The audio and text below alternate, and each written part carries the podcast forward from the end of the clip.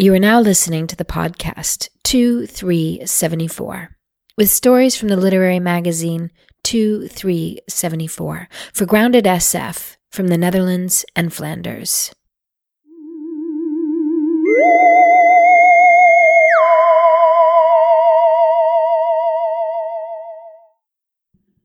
A Modern Desire, a story by Hanna Bervoets.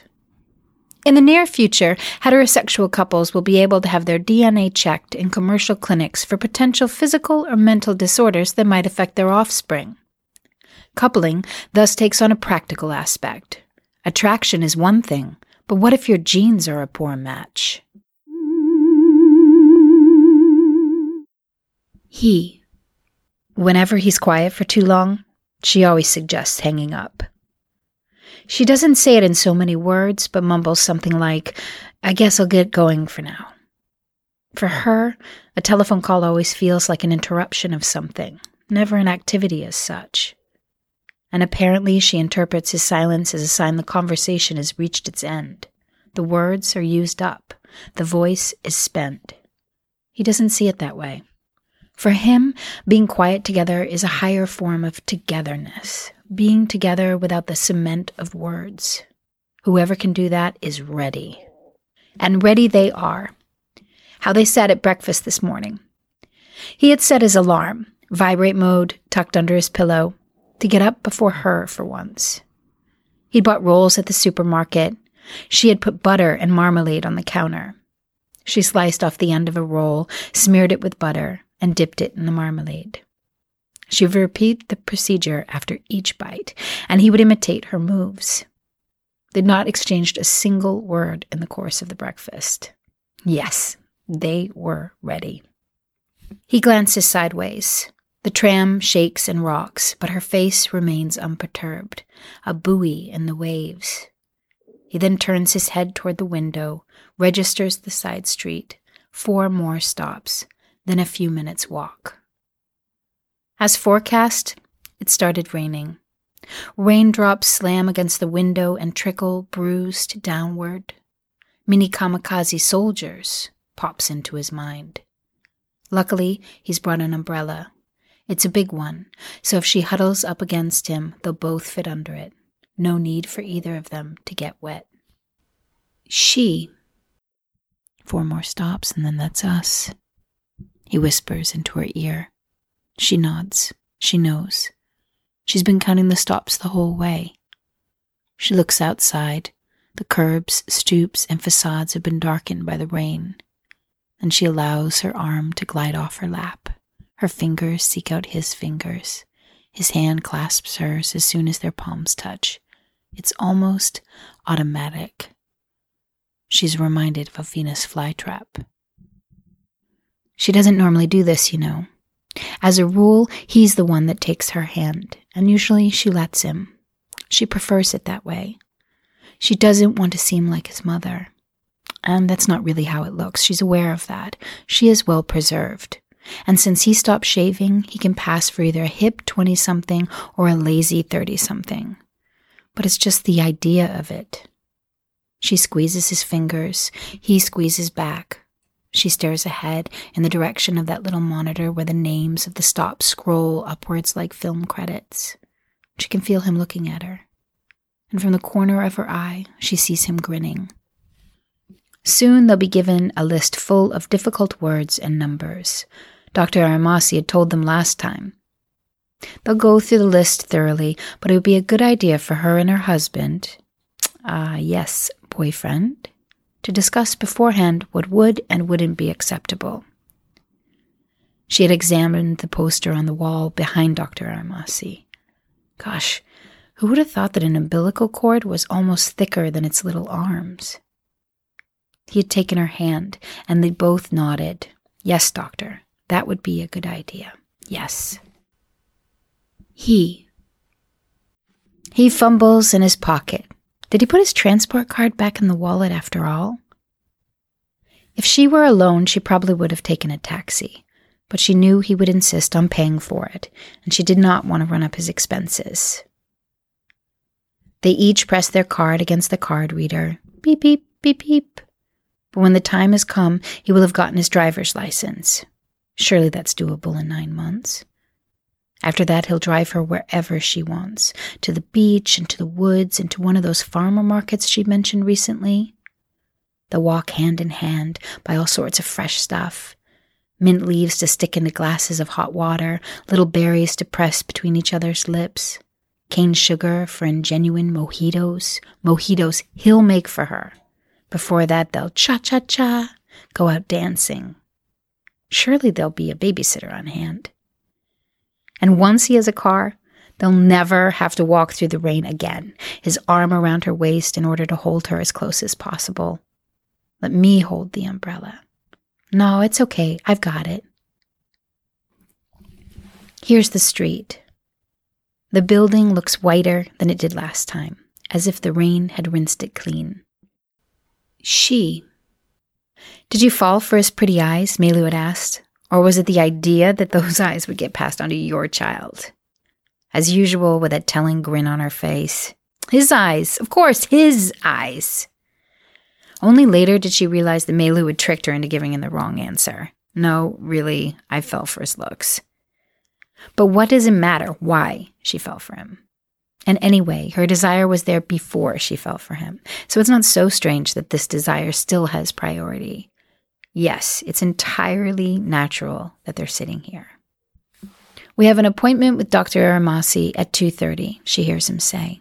The young man behind the counter nods and directs their glance with his own to the waiting area, a row of bucket seats pressed out of a single sheet of plexiglass. No armrests, emphatically chic. Take a seat, Dr. Aramasi will be with you in a moment. Last time, there was a young lady behind the counter. That time, they'd been given a cup of coffee. Because you want to give a new life a good life. The words glide across a screen up the wall behind the counter like surtitles at the opera. The guy should be singing, but instead he sits silently bent over his laptop. She glances sideways. He's been staring at her again. He smiles when she catches him. She smiles back. Happy parents make happy children make happy parents. It must have been a year ago now that she first came across this phrase. They'd only just met. But it would have been strange for someone like her not to have checked out this clinic. Someone who had seen firsthand what it's like not to be able to give a new life, a good life.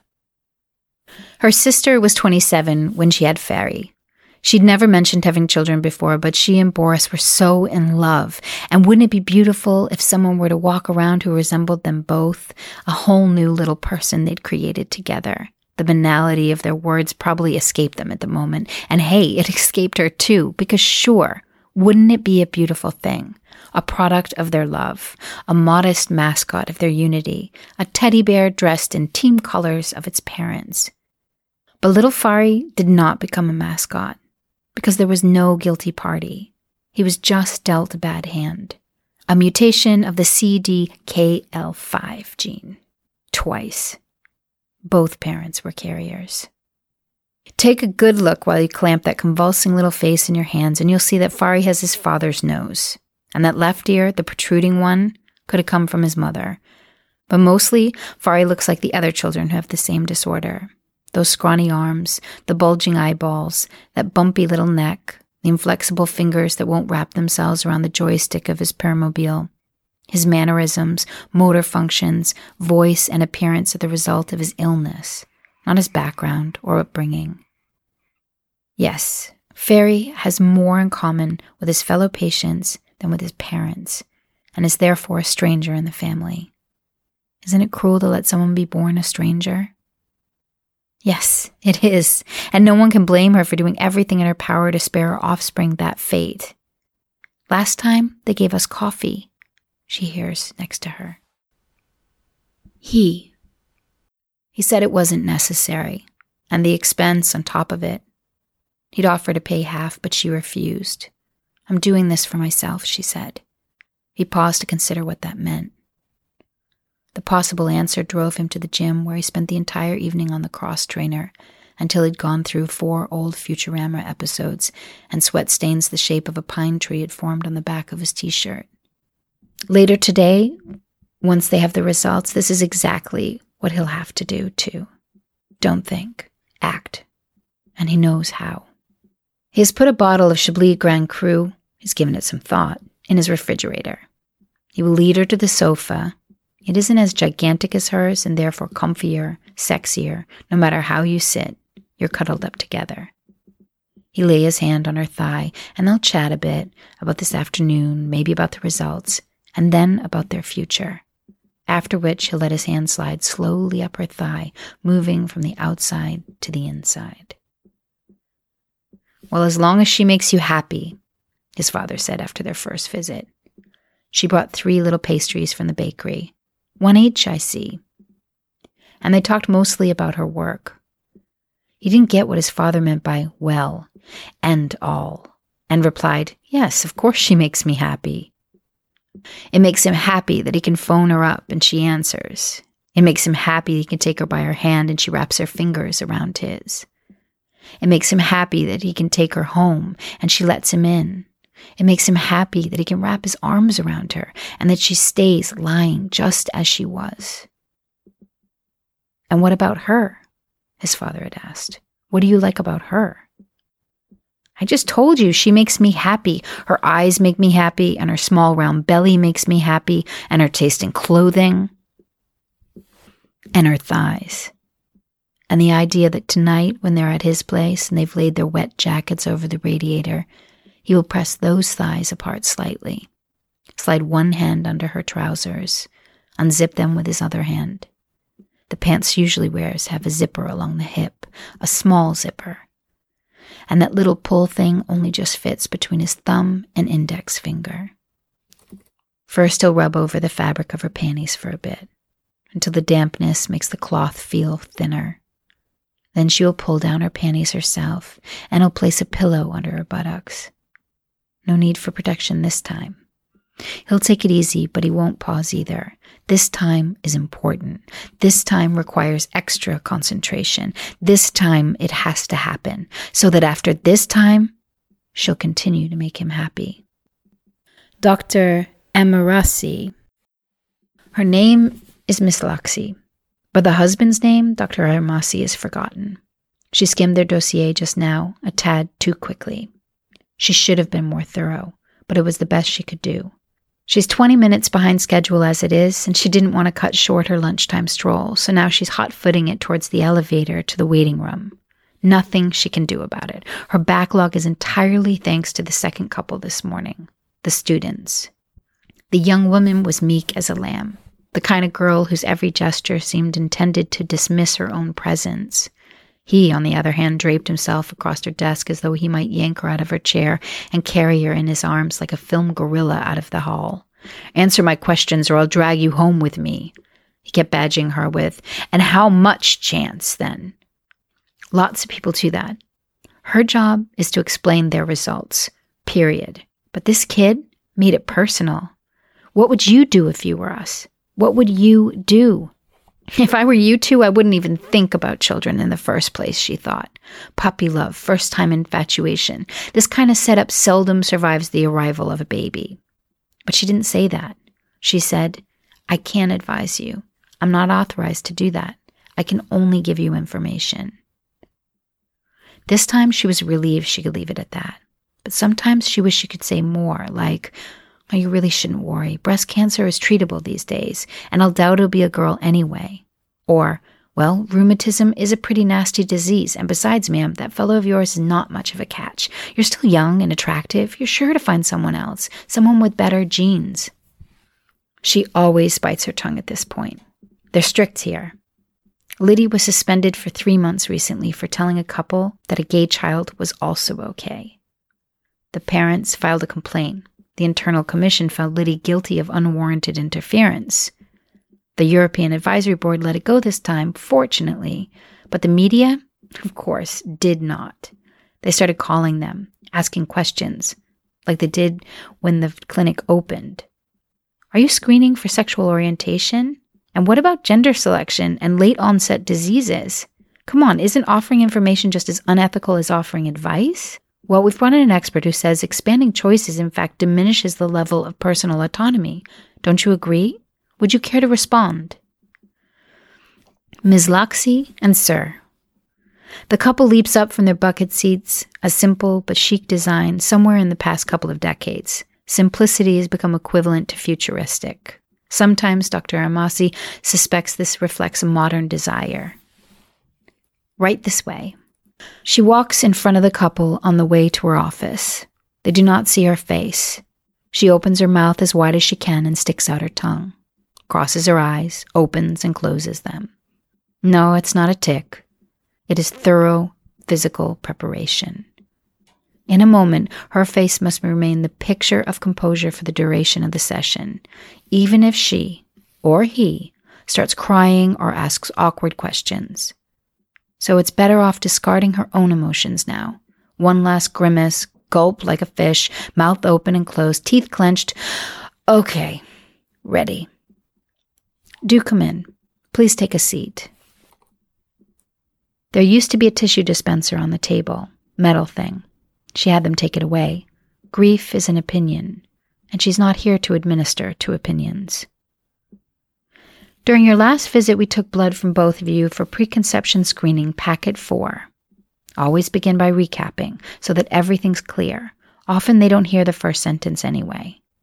And today we go through the results and discuss any specifics. Never abnormalities, always specifics. Just tell us up front, Ms. Lexi says.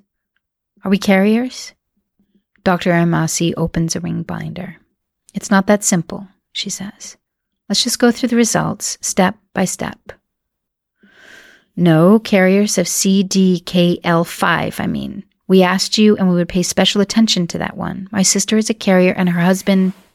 Ah, now Dr. Aramasi remembers. She should have had this one at her fingertips. She should have just read the dossier for God's sake and says, Yes, that's right, and indeed we did look into that.